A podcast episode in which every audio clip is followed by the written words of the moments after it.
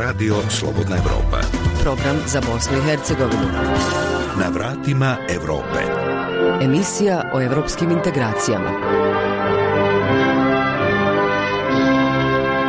Srdačan pozdrav, poštovani slušalci. Moje ime je Gojko Veselinović.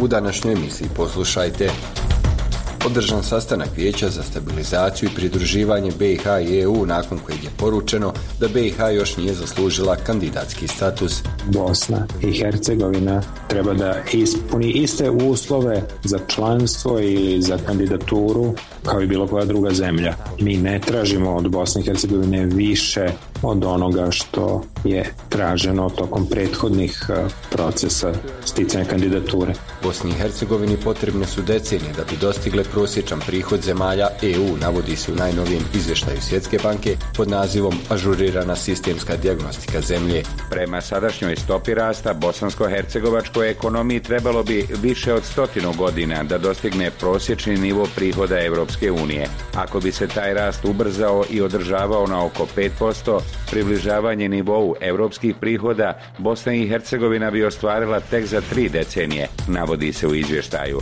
U Crnoj Gori godinu dana od usvajanja zakona o istopolnim zajednicama još uvijek nije počela njegova primjena. Zakon o istopolnim zajednicama izglasan je za vrijeme bivše vlasti Demokratske partije socijalista 1. jula 2020. godine.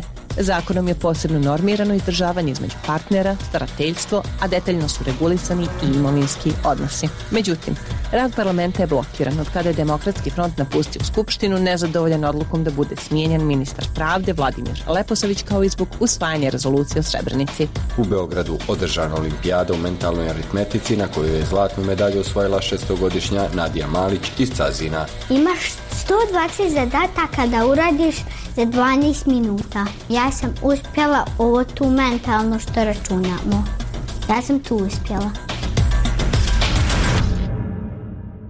Sada prelazimo na najavljene sadržaje. Savjet za stabilizaciju i pridruživanje BiH i EU zasjedao je 13. jula u Briselu. Nakon sjednice poručeno je da BiH nije uradila dovoljno na reformama i ispunjavanju 14 prioriteta EU uključujući izbornu reformu. Također istaknuto je da se moraju iz Ustava BiH ukinuti svi oblici nejednakosti i diskriminacije, te da BiH mora uskladiti svoje odluke sa odlukama vanjske bezbjednostne politike EU. Visoki predstavnik za vanjsku i bezbjednostnu politiku Josep Borelj poručio je kako fokus BiH mora biti na reformama, oporavku zemlje od pandemije i pravom, a ne deklarativnom putu ka EU, a da će sa druge strane Europska unija pomagati izgradnju privrede i ubrzavanju digitalne i zelene transformacije. Sastanku je prisustvovao i predsjedavajući vijeća ministara BiH Zoran Tegeltija koji je imao drugačije stavove. Godišnji sastanak Savjeta za stabilizaciju i pridruživanje BiH i EU održava se kako bi se analiziralo provođenje sporazuma o stabilizaciji i pridruživanju, a koji je obično uvodu predstavljanja redovnog godišnjeg izvještaja o napretku koji sačinjava Europska komisija. O tome da li je i kakav napredak na putu ka EU ostvarila BiH zabilježila Lela Omeragićatić. Šef evropske diplomatije Jose Borelli rekao da su određeni koraci preduzeti u prethodnoj godini poput sprovođenja izbora u Mostaru, te da je na sastanku bilo riječi o političkim reformama koje je potrebno preduzeti. On je poručio da je napredak ograničen. Po svemu sudeći, razumijevanje oko ispunjavanja mjera koje BiH treba da ispuni za kandidatski status nije na istoj talasnoj dužini između predsjedavajućeg Tegeltije i visokog predstavnika Borela. Kad su u pitanju mjere koje smo mi ispunili, realizovali, ne postoji baš potpuna saglasnost oko toga da li je to dovoljno ili ne. Mi smatramo da smo uradili dovoljan broj mjera, da nismo najbolji učenik u toj, tom procesu pridruživanja Europskoj uniji, ali je sasvim sigurno da smo uradili onoliko mjera za koje je moguće kvalifikovati kao uspješan proces i Bosni i Hercegovini dodijeliti kandidatski status. Ti su prioriteti koji su postavljeni Bosni i Hercegovini mnogo složeniji i kompleksniji nego što su imale druge zemlje kada su dobijale status kandidata. Visoki predstavnik za vanjsku i sigurnosnu politiku Europske unije Josef Borel poručuje da je Europska komisija spremna da obezbijedi kandidatski status kada BiH pokaže da je spremna da sprovodi reforme iz 14 ključnih prioriteta te da je sve jednako kao i za druge zemlje.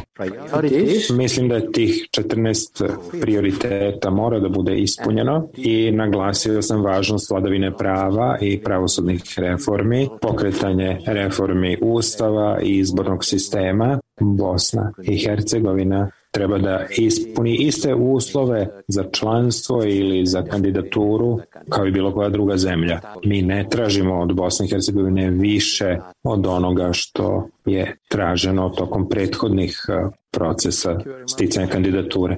Borel je između ostalog poručio i to da glorifikacije ratnih zločinaca i pokušaj revidiranja istorije nemaju mjesta u Europskoj uniji. Inače na sastancima vijeća analizira se sprovođenje sporazuma o stabilizaciji i pridruživanju koji je stupio na snagu 2015. godine, kao i reforme koje je Bosna i Hercegovina provela na putu prema punopravnom članstvu. Profesorica europskih studija na Fakultetu političkih nauka u Sarajevu, Neđma Đananović Miraščija, za Radio Slobodna Europa kaže kako bi bila obradovana da bar jednom čuje i vidi predsjedavajućeg vijeća ministra ministara BiH Zorana Tegeltiju. Da se ponaša i djeluje kao osoba koja je uopće pročitala taj izvještaj. Dakle, vi možete čak čuti da je on iznenađen uvjetima ili iznenađen brojem uvjeta koji se nalaze pred Bosnom i Hercegovinom i da je on pod dojmom e, da Evropska unija samo dolazi sa novim uvjetima. Upravo ilustrira odnos e, domaće političke elite i potpuno e, nerazumijevanje, neznanje i bezobrazno nezainteresiranost za taj proces koji podržava preko 80% građana Bosne i Hercegovine. Inače, riječ je o redovnom godišnjem sastanku na kojem se analizira provođenje sporazuma, a koji bi trebalo da bude uvod u predstavljanje redovnog godišnjeg izvještaja o napretku. O tome da li je ostvaren ikakav napredak za Radio Slobodna Evropa politički analitičar Adnan Huskić kaže. Ne mislim da se može e, bilo kako ova situacija našminkati ili drugačije predstaviti nego potpuni izostanak jednog kvalitativnog iskoraka u tom smislu. Huskić smatra da je Evropska komisija u ranijim izvještajima pokušavala da ušminka situaciju. Pokušavajući da predstavi ništa nečim, a sve to u želji da sačuva neki impuls napretka, ali je međutim sve to nekako e, završena čitava ta bajka jeli, zavaravanje 2019. godine kada smo dobili mišljenje o aplikaciji za članstvo. Tako da ja od ovog izvještaja očekujem upravo to, jel, da realistično kaže da Bosna i Hercegovina nije iskoristila šansu koju je imala u ovom periodu. Jedna od najvažnijih stvari koja još nije provedena je plan integrisanja Bosne i Hercegovine u Europsku uniju.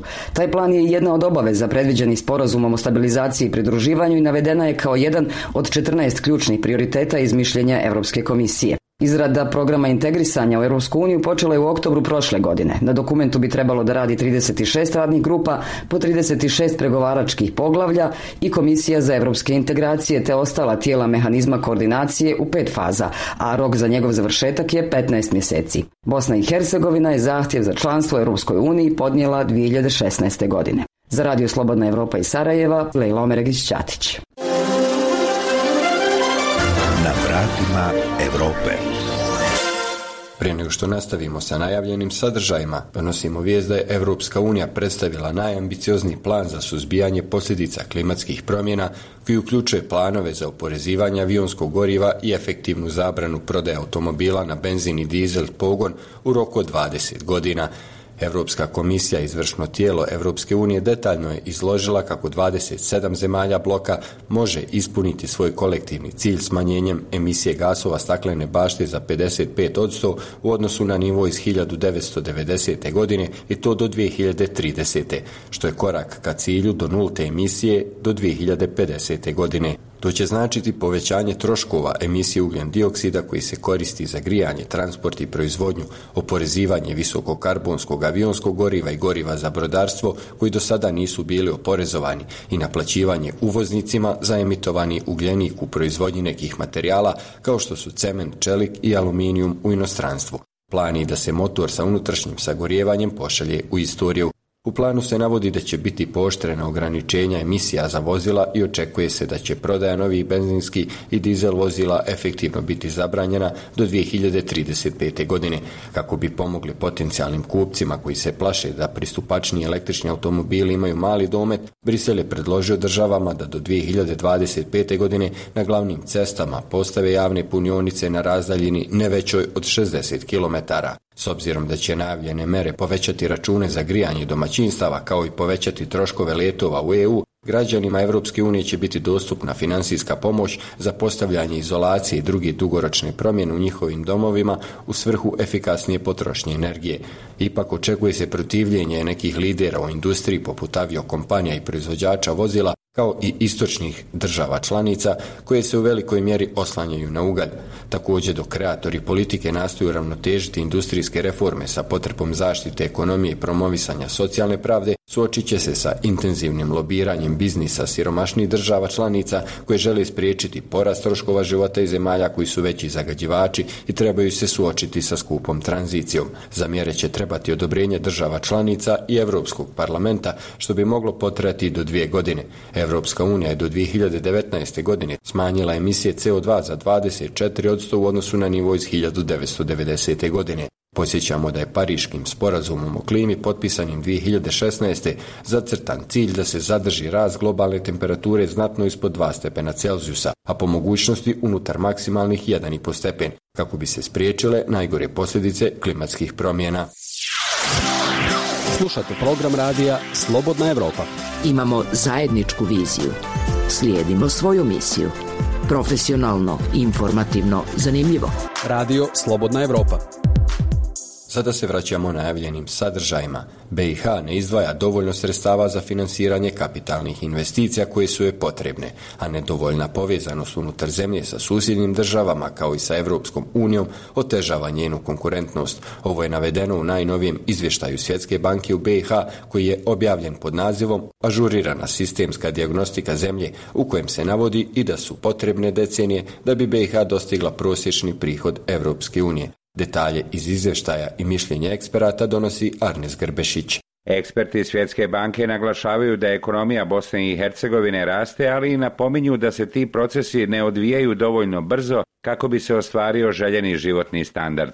Odavno je to poznato građanima koji dijelom i zbog toga traže bolje zarade izvan granica Bosne i Hercegovine. Među njima je Alen Mahmutović koji je još prije sedam godina otišao u Sloveniju. Bolja plata će održati te mlade ljude ovdje, neće ga održati jako mala plata pa se ni s tim ne može troškove pokriti osnovnog života. Tako da mislim da je najveći prioritet posao, firma, otvaranje novih radnih mjesta za početak. Politika je toliko prljava da su ljudi po 20-30 godina isti ljudi tu, svi glasaju za te iste ljude svake godine, svi hoće bolje, ali ne znam, da ne kažem plaćanja i druge stvari šta se ovdje sve radi u doba izbora i takvih stvari, ali ja znam da je to jedan ogroman, ogroman utrošak novca u jako pogrešne stvari. Zastali smo, zako zakočeni smo u sistemu u razvoju. Prema sadašnjoj stopi rasta bosansko-hercegovačkoj ekonomiji trebalo bi više od stotinu godina da dostigne prosječni nivo prihoda Europske unije. Ako bi se taj rast ubrzao i održavao na oko 5%, približavanje nivou europskih prihoda Bosna i Hercegovina bi ostvarila tek za tri decenije, navodi se u izvještaju. U dokumentu se naglašava i da Bosna i Hercegovina ima jedan od najvećih svjetskih nivoa vladinih prihoda u bruto domaćem proizvodu, odnosno da visoko oporezivanje rada guši poduzetništvo, smanjuje zaposlenost i mnoge tjera u neformalni sektor. Zapravo, NATO privrednici u Bosni i Hercegovini upozoravaju godinama. Predstavnik Mostarskog udruženja za poduzetništvo i posao Link Tomislav Majić. Mislimo da je poduzetništvo u Bosni u ovom trenutku preopterećeno razno raznim parafiskalnim naknadama, nanetima i jedna od bitnih mjera i bitnih unapređenja bi trebalo da se taj parafiskalni okvir drastično smanji, odnosno opterećenje priređivanja kroz parafiskalne naknade da se rastereti i s druge strane previše opterećen rad u Bosni raznim nametima i smatramo da treba rasteretiti neposredni rad. Doprinosi u Federaciji BiH su oko 73%, u Republici Srpskoj oko 61,2%. Međutim, smatramo da bi to trebalo skinuti neki 40% u odnosu na osnovni dohodak, tako da se kroz to može povećati plaća kako do većih plata i boljeg standarda. Na to pitanje odgovore traži i Savez sindikata Republike Srpske, predsjednica Saveza Ranka Mišić. Da možemo doći do izmjena za svih zakonskih rješenja koja definišu na bilo koji način platu i uvećanje plata. Stanje koje sada imamo kad su u pitanju plate je poprilično neuređeno, daje svaku mogućnost manipulacije za one koji nemaju dobre namjere kao poslodavci i oni to nesebično čine, nažalost. Građanima nisu potrebne strategije nego konkretna djela. Arhitektica Marina Đukanović iz Doboja. Prije deset godina nije bilo tako lako otići, pa su ljudi i ponašali se prema svojim radnicima, jel, još gore nego danas. Danas ja sam čula par slučajeva gdje ljudi kažu kako poslodavci popuštaju jer više nema ko da radi. Nažalost, došlo je do toga da se mijenja tako što ljudi odlaze. To se moralo mijenjati dok su ljudi bili tu. A Bosni i Hercegovini su potrebne mnogo veće investicije, veća produktivnost i učešće radne snage, navode analitičari Svjetske banke. Vidljivo je to i na primjeru metalske industrije koja je među izvozno najkonkurentnijim sektorima u Bosni i Hercegovini. Sadašnji obim i način poslovanja, međutim, dugoročno ne mogu donijeti značajnije rezultate, navodi profesor na Ekonomskom fakultetu u Banja Luci Stevo Pucar postepeno da poboljšavaju svoju poziciju u tim lancima vrijednosti. Ima firmi naši koji sasvim dobro napreduju, dakle kreću od vrlo niskog stepena i kreću ka većem osvajanju. Međutim, e, one su najčešće su iznimke, a većina naših sad proizvođača radi tako samo da obrađuje jednu poziciju unutar nekog proizvoda i vraćaju to nazad. Put je dakle poboljšanja i tehnološkog i u znanju i, i, i radne snage i u znanju tehnologija da možemo osvojiti veći stepen proizvodnja, a time je onda i veća dodatna vrijednost a onda samim time i veće plate i veća mogućnost, veća mogućnost za povećanje životnog standarda. Svijetla tačka prema mišljenju eksperata Svjetske banke jeste bolje iskorištavanje prirodnih bogatstava, jer Bosna i Hercegovina posjeduje vrijedne resurse, počev od najočuvanijih šuma u Europi pa do plodne zemlje. Napominje se međutim da je i u ovim sektorima izvoz ograničen na proizvode male dodatne vrijednosti od sirovog drveta i neprerađenih poljoprivrednih proizvoda, kao i da su radna mjesta u poljoprivredi i šumarstvu često slabo plaćena, te da ne pružaju dugoročnu perspektivu. Ukazuje se i da je putna infrastruktura u Bosni i Hercegovini nedovoljno razvijena. Navodi se i da većina javnih preduzeća u energetici, rudarstvu, telekomunikacijama, transportu i komunalnim djelatnostima posluje sa gubitkom, te da njihovi dugovi trenutno iznose oko 4 milijarde eura. Problemi na koje se ukazuje u izvještaju Svjetske banke dobro su poznati političarima u Bosni i Hercegovini. Za razliku od građana, oni ne moraju da brinu o svom životnom standardu. On je odavno na europskom nivou. Za radio Slobodna Europa iz Doboja, Arnes Grbešić. Radio koji vas nije iznevjerio. Radio Slobodna Europa. Slušajte nas svaki dan u 15 sati. Zakon o istospolnim zajednicama usvojen je prije godinu dana u parlamentu Crne Gore, međutim neizvjesno je kada će početi njegova primjena zato što je sa ovim zakonom neophodno uskladiti 26 pravnih akata. U LGBT zajednici to vide kao još jednu potvrdu da crnogorsko društvo, ali i institucije nisu spremni za ove novine, o čemu se radi provjerila je Aneta Durović. Da li vi, Dejane, uzimate ovdje prisutnog Nikolasa za svog zakonitog životnog partnera? Ovo pitanje bi Žana Kapa trebalo da postavi ovom paru uskoro. To će formalno biti moguće onda kada zakon o životnom partnerstvu lice istog pola, koji je usvojen 1. jula prošle godine, a koji predviđa da LGBT osobe mogu da sklapaju istopolnu zajednicu, stupi na snagu.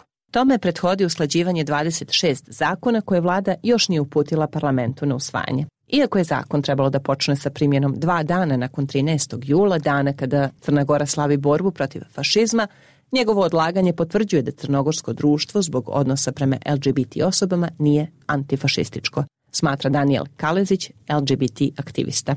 Kako navodi za Radio Slobodna Evropa, društvo koje slovi za antifašističko mora da se bori protiv homofobije, da afirmiše slobodu i jednakost za sve, uključujući upravo i LGBT osobe. Ako pogledamo to šta antifašizam jeste i ako pogledamo da antifašizam bezuslovno mora da sadržava u sebi borbu protiv homofobije i transfobije, onda bi jeli naše društvo koje uh, gaji tu makar deklarativno antifašističku vrijednost i, i koje ima značajnu antifašističku istoriju, trebalo negdje da osvijesti da taj antifašistički duh podrazumijeva slobodu za sve ljude, uključujući i LGBT osobe. Slobodarski antifašistički duh, naglašava Kalezić, mora da podrazumijeva i borbu protiv homofobije i transfobije. Imamo divnu antifašističku istoriju, ali trenutna realnost nam nije nešto, vjerujem, sa čim bi se ti naši preci koji su ginuli za našu slobodu negdje ponosili. Ali s druge strane se nekako uvijek nadam, ja se trudim što više mogu da stvari sagledavam pozitivno, pa se uvijek nadam da taj duh koji nas je kroz istoriju jel, oslobađao ne samo od okupatora tokom drugog svjetskog rata, već i ranije u, u, u vjekovima prije toga a, i, i onemogućavao drugima da nas pokore, se izboriti i sa ovim rastućim fašizmom koji, je, koji imamo prisutan u društvu. Žana Kapa matičarka iz Bude. Za radio Slobodna Evropa pojašnjava sa kakvim će se razlikama sresti u odnosu na dosadašnji rad. Neće tu sad nešto biti neke velike razlike. Partner, partnerka samo i nećemo oslavljavati suprug supruga, nego će biti za nas partneri, onda ne, neće biti teško mnogo sad se tu nešto prilagoditi tome u odnosu na, na ovo, na, da kažem, na ovo što obično radim. Naš sagovornik Dejan u emotivnoj vezi je sa Nikolasom već 10 godina. Ispričao nam je da na usvajanje i primjenu ovakvog zakona čeka duže od 10 godina. Srećen je što će, kako kaže, moći da sklopi zajednicu o partnerstvu, čime će njih dvojica izvanično postati porodica. Citat. Bez zakona jesam srećan sa partnerom kojeg imam pored sebe. Srećan sam zbog naše ljubavi, ali fali nam sloboda propisana zakonom. Navodi Dejan dodajući da im je najveći problem administracija, odnosno to što nemaju pravno imovinsku slobodu. Konkretno, ukoliko se nekom od nas dvojice bilo šta dogodi, ovaj drugi nema prava da naslijedi ništa od onoga što smo skupa stekli, dakle zajedničkim životom i radom, rekao je Dejan u pisanoj izjavi za Radio Slobodna Evropa. Posjetimo zakon o istopolnim zajednicama izlasan je za vrijeme bivše vlasti Demokratske partije socijalista 1. jula 2020. godine. Zakonom je posebno normirano izdržavanje između partnera, starateljstvo, a detaljno su regulisani i imovinski odnosi.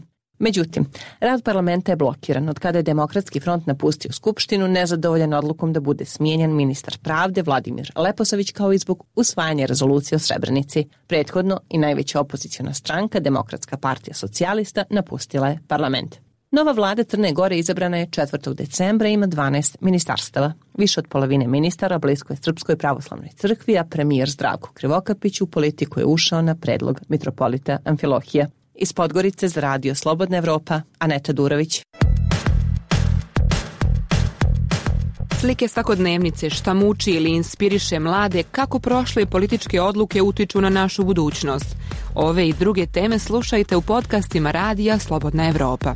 Sve epizode pronađite na iTunesu, Spotify, Google podcastima, kao i na slobodnaevropa.org.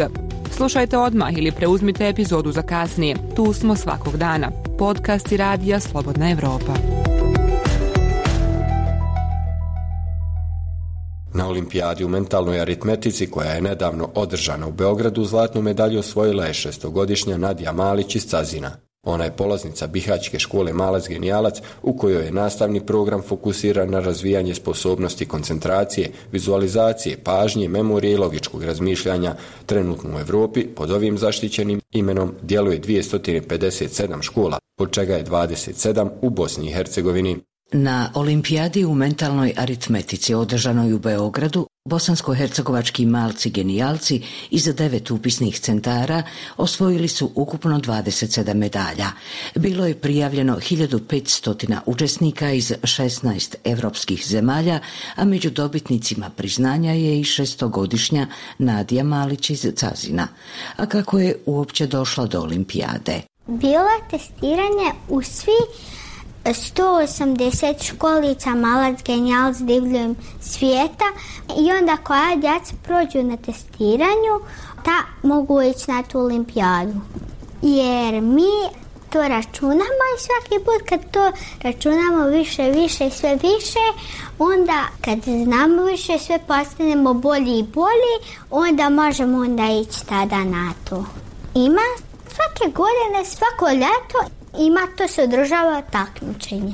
Ali one prošle godine nije se održavalo zbog korone, pa su onda imali online. O koliko zanimljivom, ali zahtjevnom programu se radi, govori podatak da je, na primjer, Nadija prošle godine pohađala prvi ciklus grupe A, gdje je učila sabiranje i oduzimanje jednocifrenih brojeva, da bi već krajem godine ostvarila odlične rezultate koji su joj omogućili učešće na olimpijadi. Prvo smo ona imali, na primjer, ko kad bi sad imao puno papira sa spajalicom, onom što se heftaricom da se ono spoje ti papiri i onda imaš tako da puno, imaš 120 zadataka da uradiš za 12 minuta. Ja sam uspjela ovo tu mentalno što računamo. Ja sam tu uspjela. Olimpijada predstavlja jedinstven događaj i najveće takmičenje ovakvog tipa u jugoistočnoj Europi. Najuspješnijim poput Nadije donese i vrijedne nagrade. Roditelji su naravno bili ponosni i zbog samog plasmana na Olimpijadu. Otac Aziz Malić. Ne očekujući neke ekstra rezultate, ali više je bilo ono da idemo da vidimo kako je malo u Beograd, malo na takmičenje ali na kraju se ispostavilo eto, zlatna medalja da je, da je osvojena. Nadija je osvojila sebi besplatno školovanje, godinu dana sada, to je nagrada, osvojila je medalju i ovaj trofej ovdje. To je njena nagrada za prvo mjesto. Nadija je pobjedila u sabiranju i oduzimanju jednocifrenih brojeva. Na ekranu se pokazuje svakih 35 stotinki jedan broj i djeca to računaju. Zlatnu medalju je osvojila kada je savladala sto brojeva na ekranu u nizu. Za Radio Slobodna Evropa, Azra Bajrić. Vijesti, analize, intervju, polemike, komentari na web stranicama Radija Slobodna Evropa. Ukucajte slobodnaevropa.org. Hrvatska je još u maju definisala samo dva granična prelaza između BiH i Hrvatske za izvoz proizvoda iz BiH i to na graničnim prelazima Stara Gradiška i Bijača.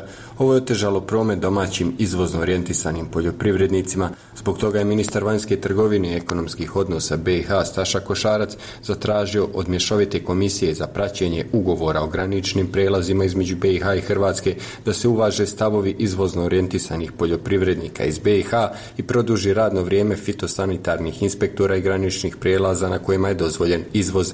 Domaći poljoprivrednici traže da se za te namjene otvori svi granični prijelazi u skladu sa postojećim ugovorom između BiH i Hrvatske. Ja ću najvjerojatnije toku naredne sedmice obići granični prijelaz. Pozvat ću njihovog glavnog inspektora i želim da zajedno obiđemo. Postoji uvjeravanje da ukoliko bude pojačana dimenzija da će proširiti, odnosno produžiti radno vrijeme e, fitosanitarnog inspektora, što bi bila jedna od mjera u svakom smislu, ali bez obzira na sve, spreman sam u toku iduće sedmice odim na granični prelaz na licu mjesta se uvjerim i da pokušavamo doći do adekvatnog rješenja. Ja vjerujem da imamo nekoliko dana e, dovoljno vremena da vidimo da li ovaj dogovor funkcioniše. Ako ne bude e, funkcionisao ova vrsta dogovora, bit ću potpuno mobilizovan i spreman da nađemo eventualno neki drugi, ali treba nam pomenuti da je ovo prije svega odluka hrvatske strane i da je to odluka koja se zasniva na evropskim standardima, odnosno tom takozvanom EU trace sistemu. Riječ je o kornišonima i šljivama, koliko sam upoznat, jer je riječ o sezonskim proizvodima i naravno poslovima utvrđenim sa kupcima iz Evropske unije. Jer logično je bilo iz tog razloga sam se obraćao ambasadoru Sattleru, ako mi imamo međunarodne obaveze prema Evropskoj uniji i ako Evropska unija ima međunarodne obaveze prema privrednicima iz Bosne i Hercegovine da budu partneri u tom pitanju se to riješi, da ne postoje nikakve pod navodnim znacima van carinske barijere koje usloženjavaju spoljnotrgovinski promet. Uloga nam je da obezbedimo nesmetano spoljnotrgovinski promet. Naravno, razmišljao sam ja i nekim drugim mjerama koje bi mogli da e, donesemo. Treba istaći da fitosanitarni granični e, nalazi nisu nadležnosti nivoa Bosne i Hercegovine.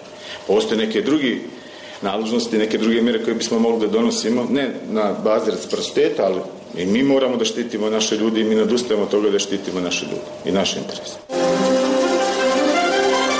Na vratima Evrope. I to bi bilo sve za ovaj put. Pratite zanimljive sadržaje Radija Slobodna Evropa i dalje putem radio talasa i naše web stranice slobodnaevropa.org. Podcaste za viri ispod površine glasom mladi i između redova, osim na web sajtu možete naći na Facebooku i Twitteru, kao i na Spotify, Google podcastima i iTunesu. Pozdravljaju vas Svjetlana Petrović i Gojko Veselinović.